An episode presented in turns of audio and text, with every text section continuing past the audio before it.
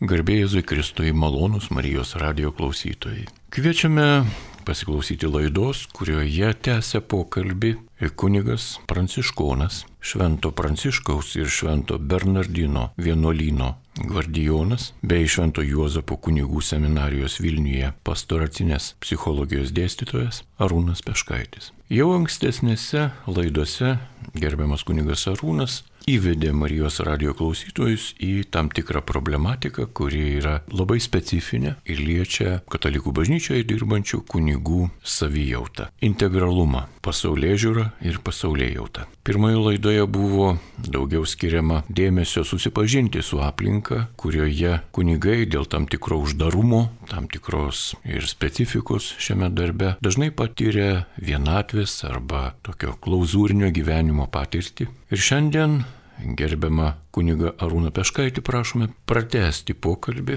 kuris radio klausytojus labiau supažindintų su aktualijomis, kurias patiria kunigai dirbdami Lietuvoje. Kuniga Arūna Peškaitį kalbina Liutauras Serapinas ir aš sveikinuosi su gerbiamu broliu Arūnu, taip kaip jį vadina daugelis Lietuvoje tikinčių žmonių, garbė Jėzui Kristui. Garbė Jėzui Kristui. Dėkojame Jums, gerbiamas kunigė Arūnai, jog atėjote į Marijos radijų ir tęsėte pokalbį apie tai, kaip kunigai gyvena, kaip dirba ir tęsėte pokalbį apie kunigo integralumą, jo patiriamą vienatvę. Pirmojoje laidoje Jūs, kunigė Arūnai, paminėjote sąlygas kai kunigas patiria tam tikrą vienatvę, iš kurios gali kilti ir įvairios nuotaikos, ir nerimo jausmas, ir nereikalingumo, ir tam tikro atsiskirimo arba vienišumo pojūtis. Ir šiuose sąlygose kunigui atlikti pareigas nėra taip jau paprasta. Atsiranda ir trūkdžių, be abejo, kai kuriems atsiranda ir papildoma motivacija, bet matome, kad visuomenė reaguoja ir požiūris į kunigą, į jo darbą, į bendruomenę, į kunigystės pašaukimą, pareigas, stebime, jog pastaruosius 10-20 metų labai keičiasi, radikaliai keičiasi. O ir mes patys vis dažniau pastebime tam tikrą visuomenės nemailės požiūrį į kunigo darbą ir tam tikrą požiūrį ir į katalikų bažnyčią. Tai tas požiūris tampa tam tikro tokio, na ir kritinio, piktąją to žodžio prasme, pavyzdžių, tokių kritinių pavyzdžių. Ir ta tokia neracionali kritika, matome, jog krenta tiek ant kunigų, tiek ant tikinčių žmonių, kurie dirba bažnyčioje, taip pat ir viskupų. Jeigu anksčiau šią kritiką mes vertindavome kaip tam tikrą komunistinės, tos bolševikinės epochos, komunistinių idealų, kovos prieš Dievą, prieš bažnyčią, prieš tikėjimą, tam tikrą tesinį, tai šiuo metu mes matome, jog ta retorika keičiasi, keičiasi tie užsakymai, bet nesikeičia metodai, kalba, prievartos kalba, neapykantos kalba, pykčio kalba adresuojama katalikams Lietuvoje ir katalikų bažnyčios atsakingiems asmenims.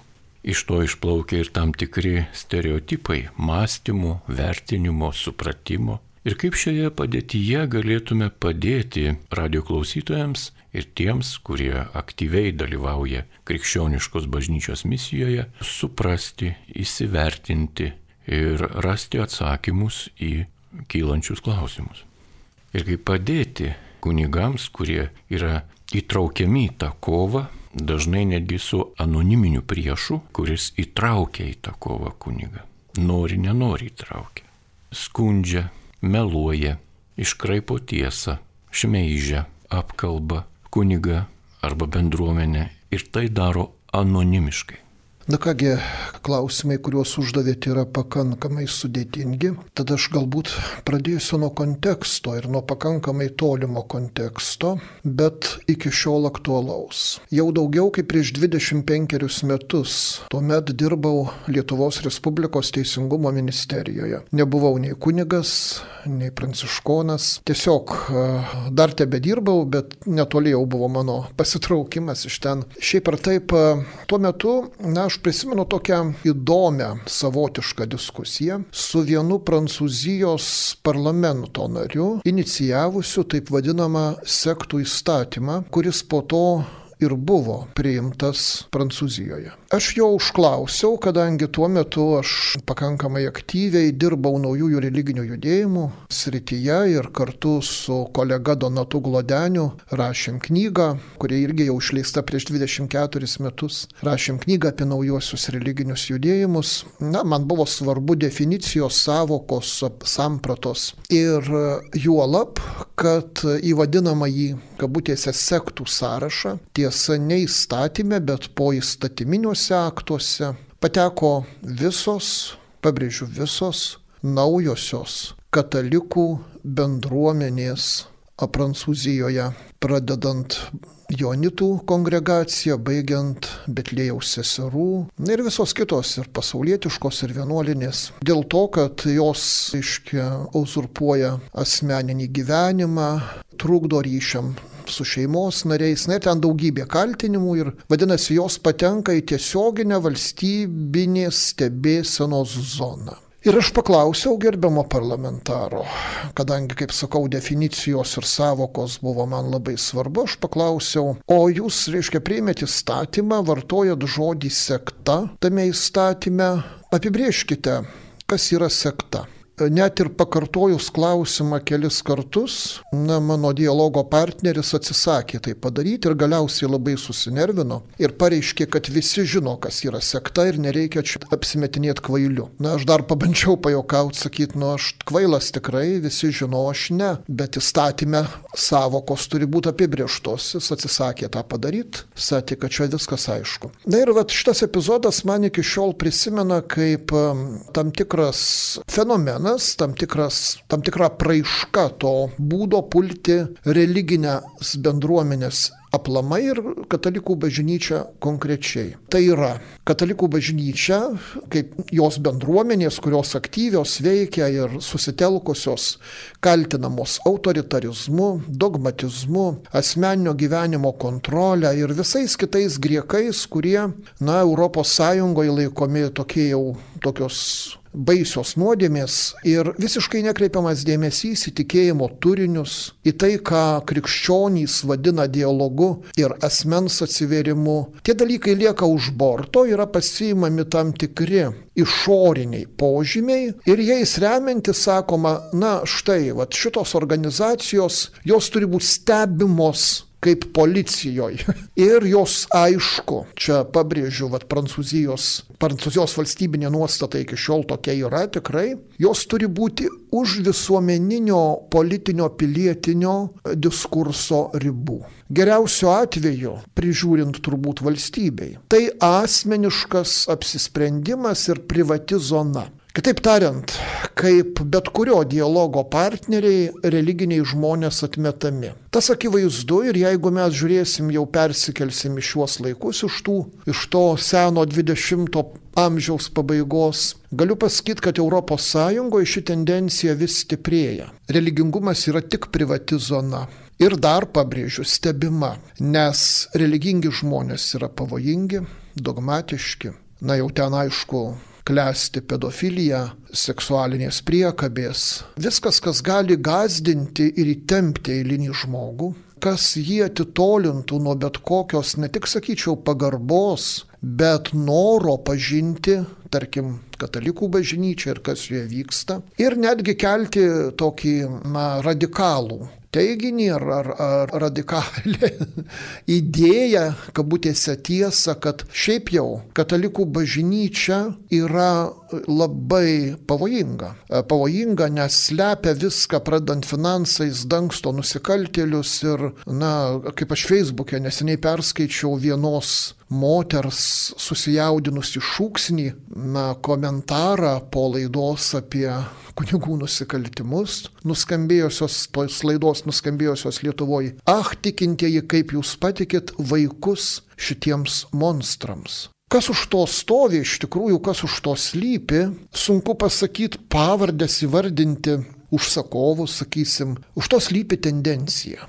Tendencija, kad, na, žmonės, kurie sakysim, puoselėja alternatyvę kultūrą šiandieniniai vartojimo, hedonizmo ir individualizmo, ta pačia blogiausia prasme individualizmo, egoizmo kultūrai. Šiaip individualizmas nėra savaime blogas dalykas, mes kiekvienas esame asmo ir esame individas, aišku. Ne nemasės žmogus ir krikščionybė tą puikiausiai supranta, bet egoizmo kultūra tai yra ta radikali prieš priešą bendruomeniška priešprieša šitiem dalykam, jinai suvokiama kaip pavojus, nuo kurio reikia gintis, o gintis tai reiškia pulti. Tai apibūdinčiau šitaip tą situaciją. Mėly Marijos radio klausytojai, tęsėme laidą, kurioje šiandien su jumis bendrauja pranciškonas kunigas Arūnas Peškaitis ir ši laida skirta tai pačiai temai - kunigo integralumas bei kunigo vienatvė. Ir viena iš tų erdvių, kurią jūs įvardyjate šiandien atvirų būdų, būtent tos kovos, ir būtent viena iš formų yra valdžios forma. Ir kodėl šiais laikais katalikų bažnyčia Lietuvoje yra laikoma jėgos valdžios forma. Gi tikėjimo dogmos bei mokymas apie išganimą tai nėra mokymas apie valdžią, tai nėra valdžios pavyzdys.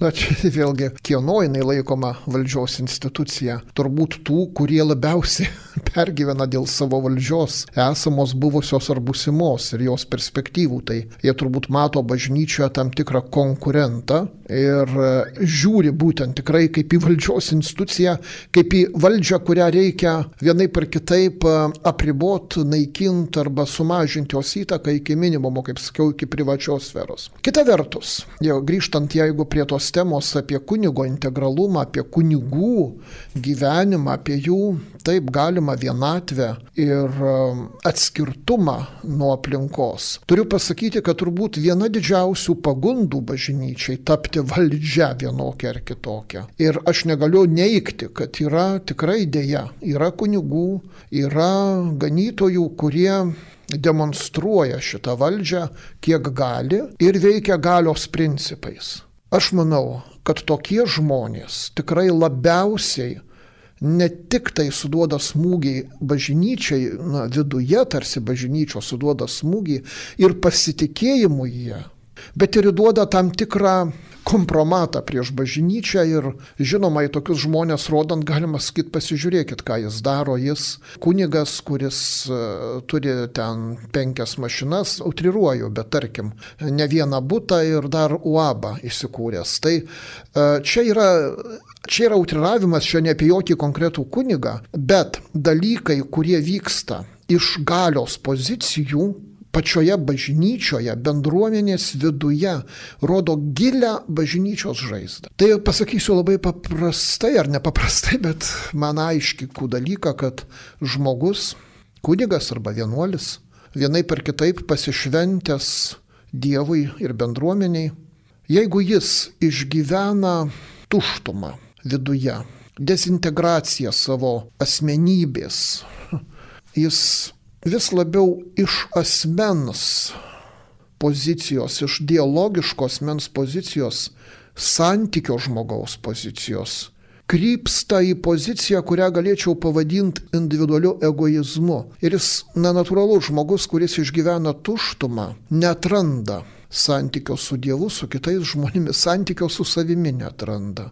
Kyla didžiulė pagunda kompensuoti tai gale, net kartais įsivaizduojama gale ir naudoti ją kaip savo egzistavimo paradigmą, kaip savo egzistavimo būdą, tai niekada nepatenkins žmogaus širdies, niekada. Ir tai sužeis bažnyčią, tai sužeis žmonės susidurinčių su bažnyčia. Tai, kaip jau sakiau, leis, leis turėti argumentų tiems, kurie tikrai nori išstumti bažnyčią ir bažnyčios žmonės iš tos vadinamos viešosios ir neviešosios erdvės, pilietinės erdvės. Kitaip tariant, žinot, žmonėms, bažnyčios žmonėms, kuriems reikia pagalbos, jie turi aš jau ir anoj laidoj sakiau, jie turi sulaukti ir ieškotis, bet ir patys aktyviai ieškotis tos pagalbos. Ir nebandyt galvot, kad galima kažkaip išsisukti kitokiais būdais ir metodais. Pavyzdžiui, veikiant grinai sekuliariaus pasaulio dėsniais - vartojimo, konkurencijos, galios principais. Ne, mes pražūsim veikdami tai.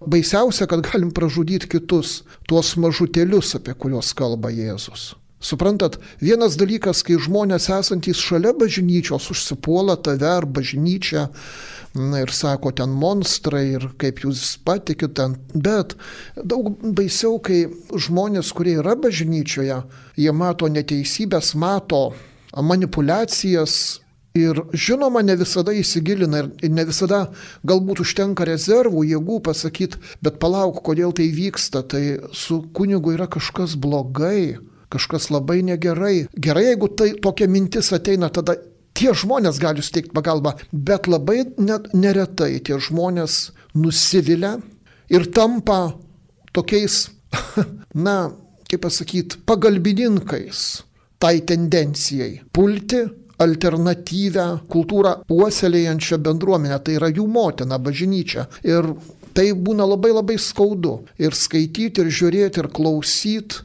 Ir negali, sakau, negali paneigti, kad, na, kartais mes taip kunigai duodam šitą pagrindą tokiems dalykams. Aš pamenu vieną pasakojimą, irgi pakankamai seną, nežinau prieš kiek dešimtmečių, ateina metas, kaip mastai dešimtmečiais ir nelabai susigaudai, kada čia tas buvo. Tai va, pasakojimas yra toks, kad grupė parapiečių iš provincijos miestelio kažkokio nuvyksta pas vyskupą ir skundžiasi kunigu kad, nu, jis tikrai, jis, jisai ir lupikauja, ir, ir aukų dydžius nustato, kokie pamokslai prasti, jiems nesiuošia. Ir viskupas paklausė, taip suprantu, žinoma, galiu imtis tiesioginių sankcijų, tikrinimų ir panašiai, ir to reikės imtis, jeigu tai nepasikeis. Bet viskupas labai gražiai paklausė, ar jūs bandėt melstis už savo kunigą. Ir parapiečiai nutilo ir jie paskui pradėjo melstis. Tai nežinau, kaip skambės žmonėms, kurie, tarkim, netikit maldos paveikumu ar ar jos gydančių poveikių. Bet patikėkit, man po to pasakojo, tas kunigas pasikeitė ir net radikaliai pasikeitė. Malda buvo nuolatinė ir paskui prasidėjo dialogas ir bendruomenė susikūrė tenai. Taip kad vilties nepameskim svarbiausia. Dažnai šiuo metu iš bekritikuojančių institucijų ar asmenų katalikų bažnyčios veiklą Lietuvoje, būtent informacinės klaidos priemonėse mes randame arba net išvadą sutinkame, kuriuose yra teigiama, jog tikėjimas yra personalinis asmens reikalas. Kad tikėjimas yra tik nuomonė, kad tikėjimas nėra privalomas kiekvienam asmeniui. Na, visų pirma, turbūt žmonės, kurie save laiko nekrikščionimis ir yra nekrikščionys, tarkim, ir yra už tos bendruomenės, už bažnyčios ribų, už visokių krikščioniškų bendruomenių ribų, jie turi be abejo teisę kalbėti, kad tikėjimas yra viena iš nuomonių, viena iš galimybių ir yra, kaip mes jau ir kalbėjome apie tai, yra personalinis, asmeninis, individualus kiekvieno reikalas. Jie turi tokią teisę taip kalbėti. Ir kaip ir iš viso mes turim kol kas, ačiū Dievui, teises daugiau mažiau reikšti savo nuomonę, nors nesakyčiau, kad tos teisės nėra vis labiau ribojamos, bet čia kitas, kitas klausimas. Tai kita vertus, kita vertus, kaip mes galim atsakyti į tokią poziciją? Mes, aš turiu galvoj tikintys žmonės. Ir kunigai, ir ne kunigai, moterys ir vyrai. Kaip mes galim atsakyti? Tik liudijimu liudijimu, kad tikėjimas mums yra gyvenimas. Ne nuomonė, bet gyvenimas. Pati gyvenimo esencija, pati gyvenimo esmė mums tikėjimas yra. Ir čia klausimas savo, yra ar nėra. Jeigu nėra, mes galim argumentuoti labai protingais teiginiais, ištraukomis iš tėvų, bažnyčios tėvų raštų, iš teologų tekstų, iš Biblijos galim argumentuoti, tai mes tik dar kartą tvirtinsim, kad taip, tai yra viena iš nuomonių, viena iš ideologinės kovos priemonių. Ir todėl galimos visos kitos nuomonės ir jūs ten pasilikit savo, kuo tikiu aš, tai mano reikalas, kuo tikiu, kuo tiki tu, tai tavo reikalas. Ne, tai ne tik mano reikalas. Jeigu tikrai tikiu, kas įvyksta, na, mes žinom tą gražų žodį atsivertimas. Atsivertimas ir atsiverimas. Ir jis neįvyksta, jis įvyksta ir vyksta toliau. Vyksta. Kiekvieną dieną. Arba su skausmu galiu pasakyti, nevyksta, nustoja vykęs. Ir tampa tokiu nevykusiu bandymu ideologizuoti tai, kas iš tikrųjų negali būti ideologizuojama. Tai gali būti tik gyvenimas arba iš vis niekas negali būti. Nes tikinčiam žmogui tikėjimas yra šventa. Tai, kas viršyje jį. Tai, kas nuolat viršyje jį ir kviečia į kelią. Ir tuo keliu eidamas jisai liudija, mano jau minėtas tas terminas, alternatyvę bendravimo santykių, vertybių buvimo kultūrą, alternatyvę, nes jis yra, jis perkeistas ir kitoks, jis keičiamas, jis kitoks yra. Ir vad atsakymas, aš manau, į šitą poziciją, kad, na, tikėjimas yra viena iš nuomonių, yra mūsų liudijimas, galimas ir gal pasakyčiau griežčiau privalomas liudijimas. Ne, tai ne nuomonė. Tai yra tai, kuo mes tikintieji gyvenam. Mėly radio klausytojai, šiandien laidoje apie kunigo kelią, pašaukimą bei kunigo kelyje e, sutinkamus iššūkius. Savo patirtimi dalinasi ir aptarė Švento Pranciškaus ir Švento Bernardino vienuolyno gvardijonas, Vilniaus Švento Juozapo kunigų seminarijos pastoracinės psichologijos dėstytojas pranciškonas kunigas Arūnas Peškaitis. Jį kalbina Liutauras Serapinas ir noriu jūs vėl, gerbiamas kunigė Arūnai, pakviesti prie temos kunigo vienatvė. Mes nežinome, negalime žinoti visų priežasčių, dėl ko kunigas patiria vienatvę, nes tai yra asmeninio gyvenimo dalis. Ji gal negali būti ir labai viešai linksniuojama, lankstoma iš dešinės į kairę ir kaip kitaip dėl kažkokių informacinio pasimėgavimo. Bet labai daug tikinčiųjų šiuo metu yra įsijungę į posinodinius svarstymus ir daug tikinčiųjų nori padėti kunigams atlikti ir pareigą gyventi tinkamą gyvenimą, talkinti, patarti, pasirūpinti, pagaliau dovanoti savo draugystę ir meilę. Ir pastebime, jog jau yra daug kunigų, kurie nebe prisileidžia. Jie yra užsidarę. Jie nebepakelia to viešo nulatinio gyvenimo visų visų tų vadinamųjų sąlygų. Žmonės trokšta ramybės. Žmonės yra pavargę, net perdegę. Klausimas, kas šitoje padėtyje kunigui padeda? Kas gali padėti? Vėlgi, Liutaurai, labai ačiū už turtingus klausimus. Taip, šitas klausimas vėlgi turtingas ir ne vienareikšmės. Žinot, vat, dažnai pamenu argumentus prieš celibatą arba už celibatą argumentus. Vienas iš argumentų prieš celibatą kad na, celibatas nereikalingas, tai yra dažnai pateikiami pavyzdžiai iš ortodoksų ir protestantų gyvenimo, štai sakoma, ten kunigai yra vedę ir, ir ką, ir argi blogai, jie labiau supranta šeimos problemas, jie, jų pastoracijai tai yra gerai, bet tie, kurie už celibatą, jie sako ne, jie tada yra pasidalyję, cituoja Šventą Paulių iš Biblijos, kad jie pasidalyję tarp pasaulio reikalų ir bažnyčios reikalų ir, ir, ir atsiranda finansiniai dalykai ir aišku, žmogui pirmiausia šeima rūpi, o ne jo bendruomenė. Na, Reiškia, ir taip ir taip galima argumentuoti, bet iš savo patirties aš tikrai galiu pasakyti, kad celibatas savaime, jis nėra receptas gero bendruomeniškumo ir atvirumo kitiems. Kaip ir šeima.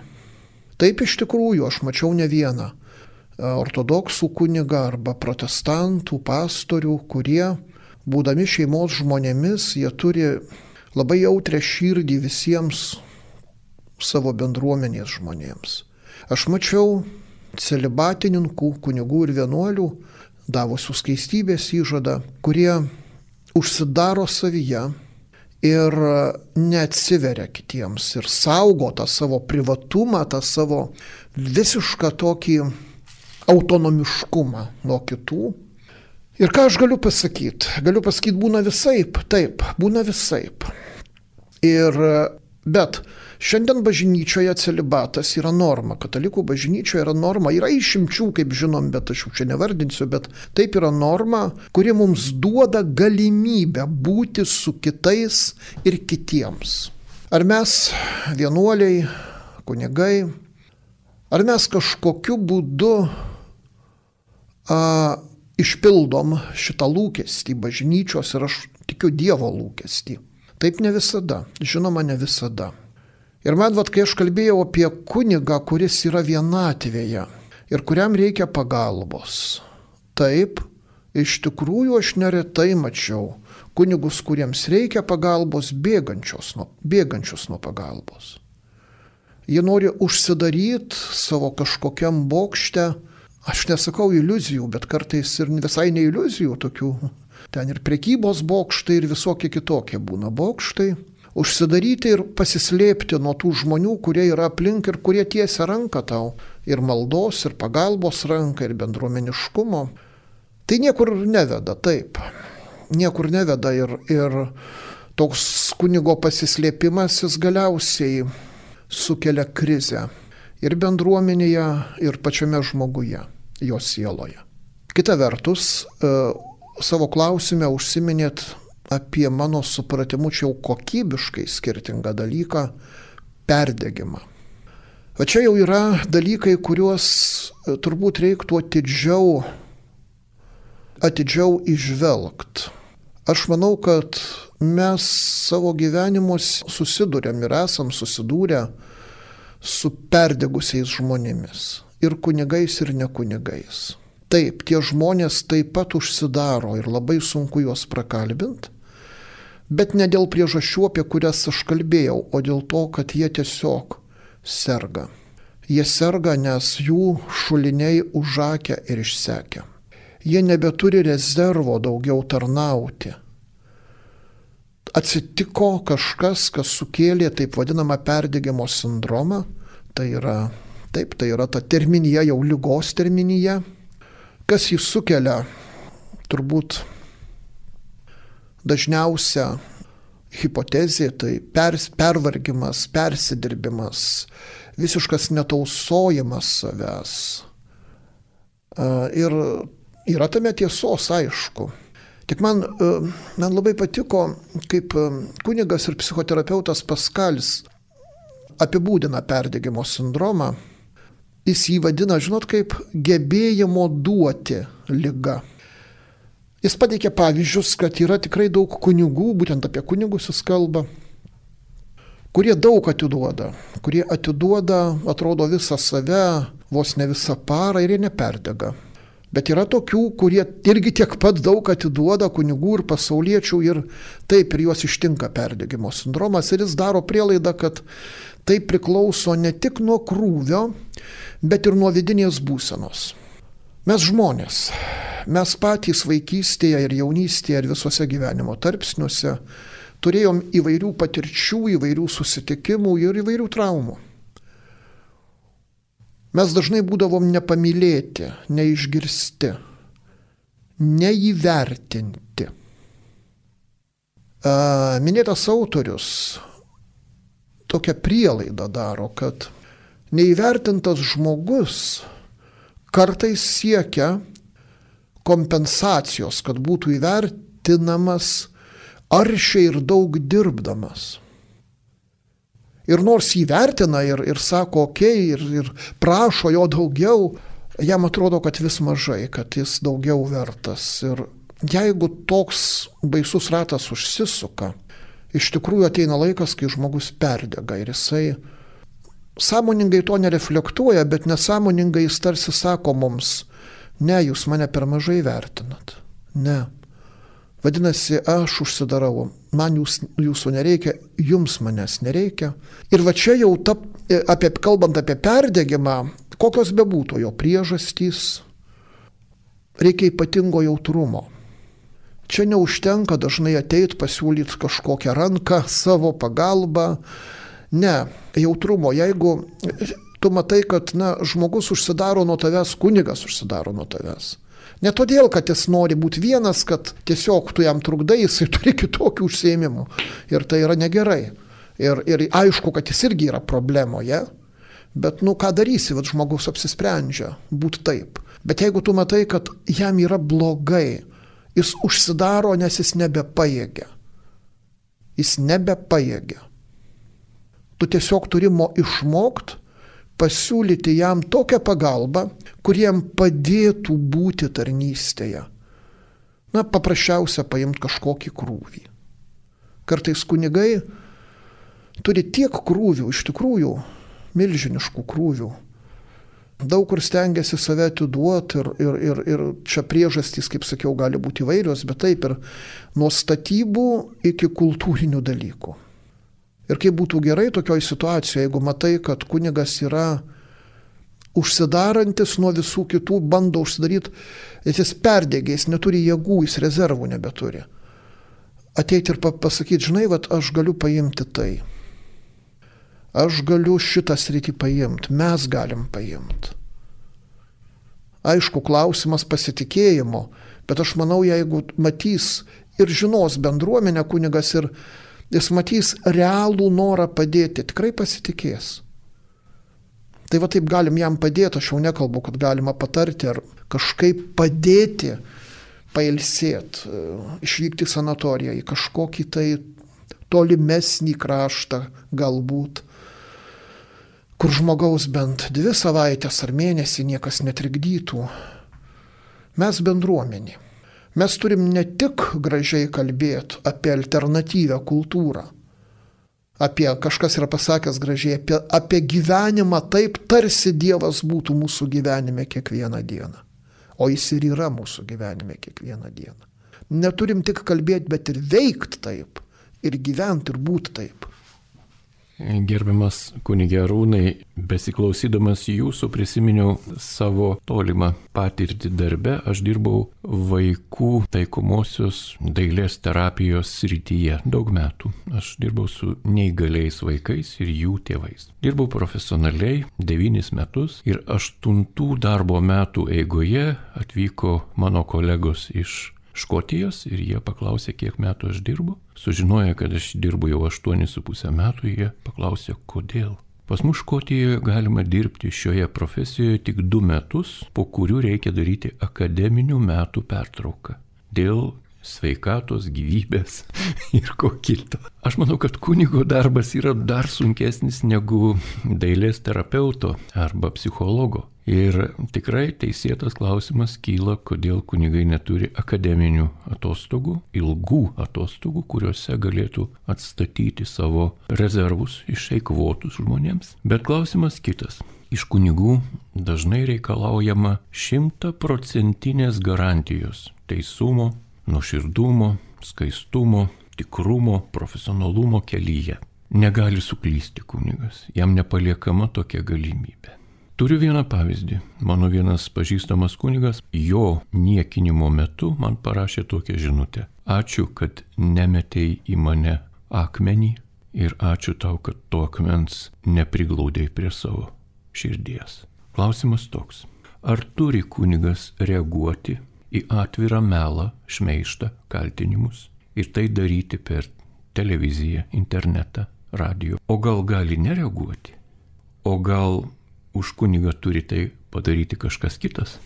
Iš tikrųjų, turbūt vienareikšmio atsakymo vėlgi negali būti. Priklauso nuo situacijos. Labai priklauso. Pirmiausia, kunigas taip, kaip jau atsakėt, jis yra žmogus. Pirmiausia yra vis tik žmogus. Ir mums žmonėms būdingos yra reakcijos į pyktį. Ar mes sugebam reaguoti į pyktį taip, kaip mokė Kristus? Klausimas yra mūsų gyvenimui. Atsakymas toks, nu kiek mes gyvenam Kristui, tiek ir sugebam.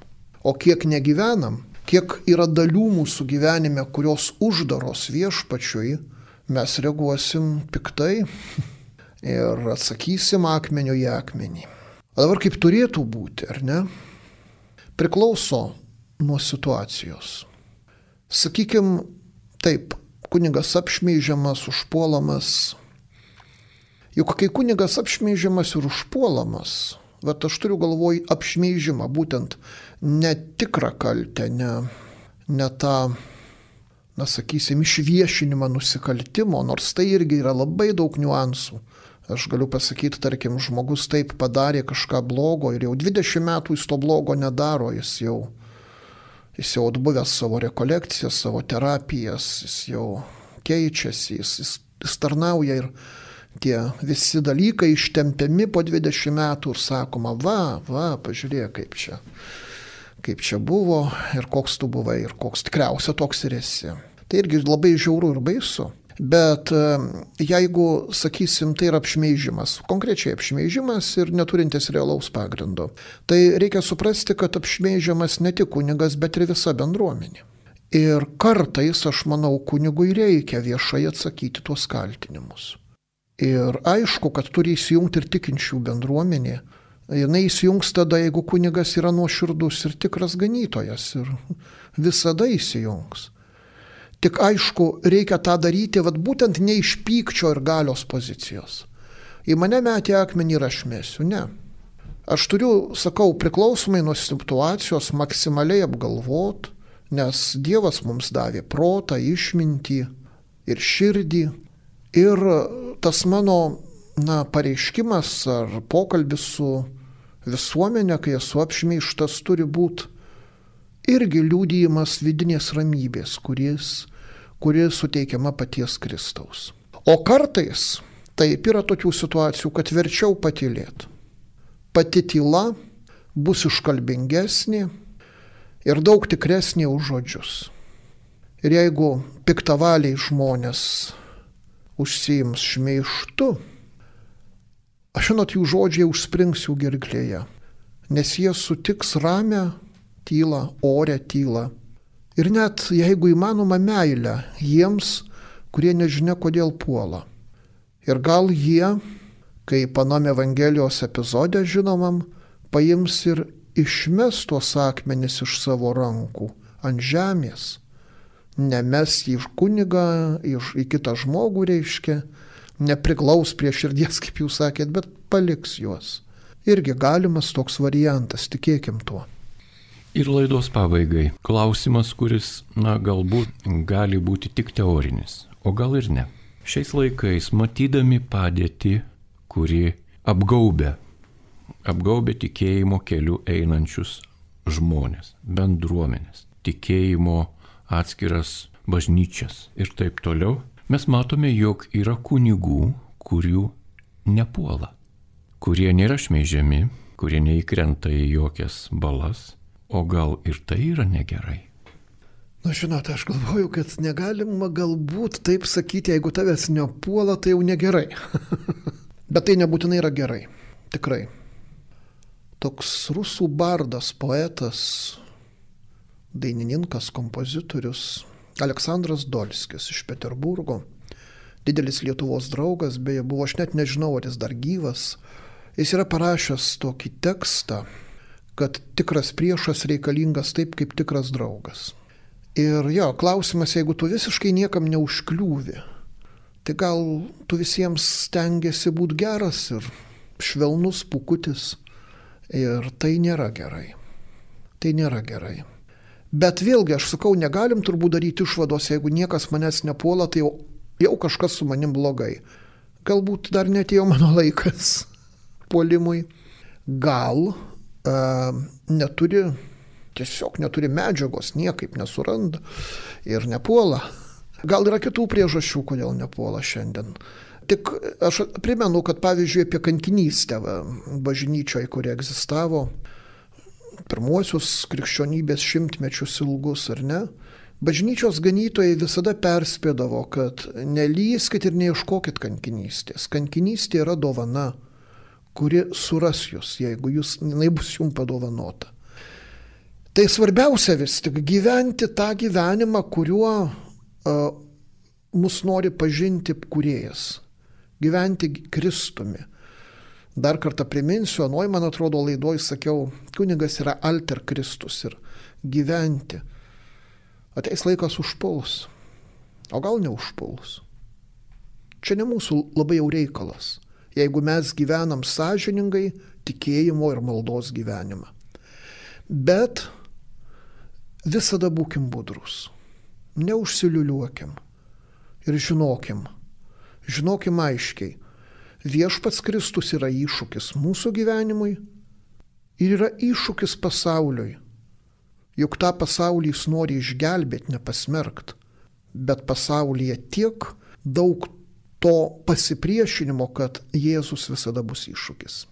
Dėkojame Jums, gerbiamas kunigė Arūnai, mėly radio klausytojai, šią valandėlę su Jumis bendravo ir kalbėjo, pasakojo apie kunigo gyvenimo ir pašaukimo kelią Švento Pranciškaus ir Švento Bernardino vienuolyno gvardijonas, Vilniaus, Švento Juozapo kunigų seminarijos pastoracinės psichologijos dėstytojas, pranciškonas kunigas Arūnas Peškaitis. Įkalbino Liutauras Serapinas ragindamas ir toliau likti su Marijos radiju.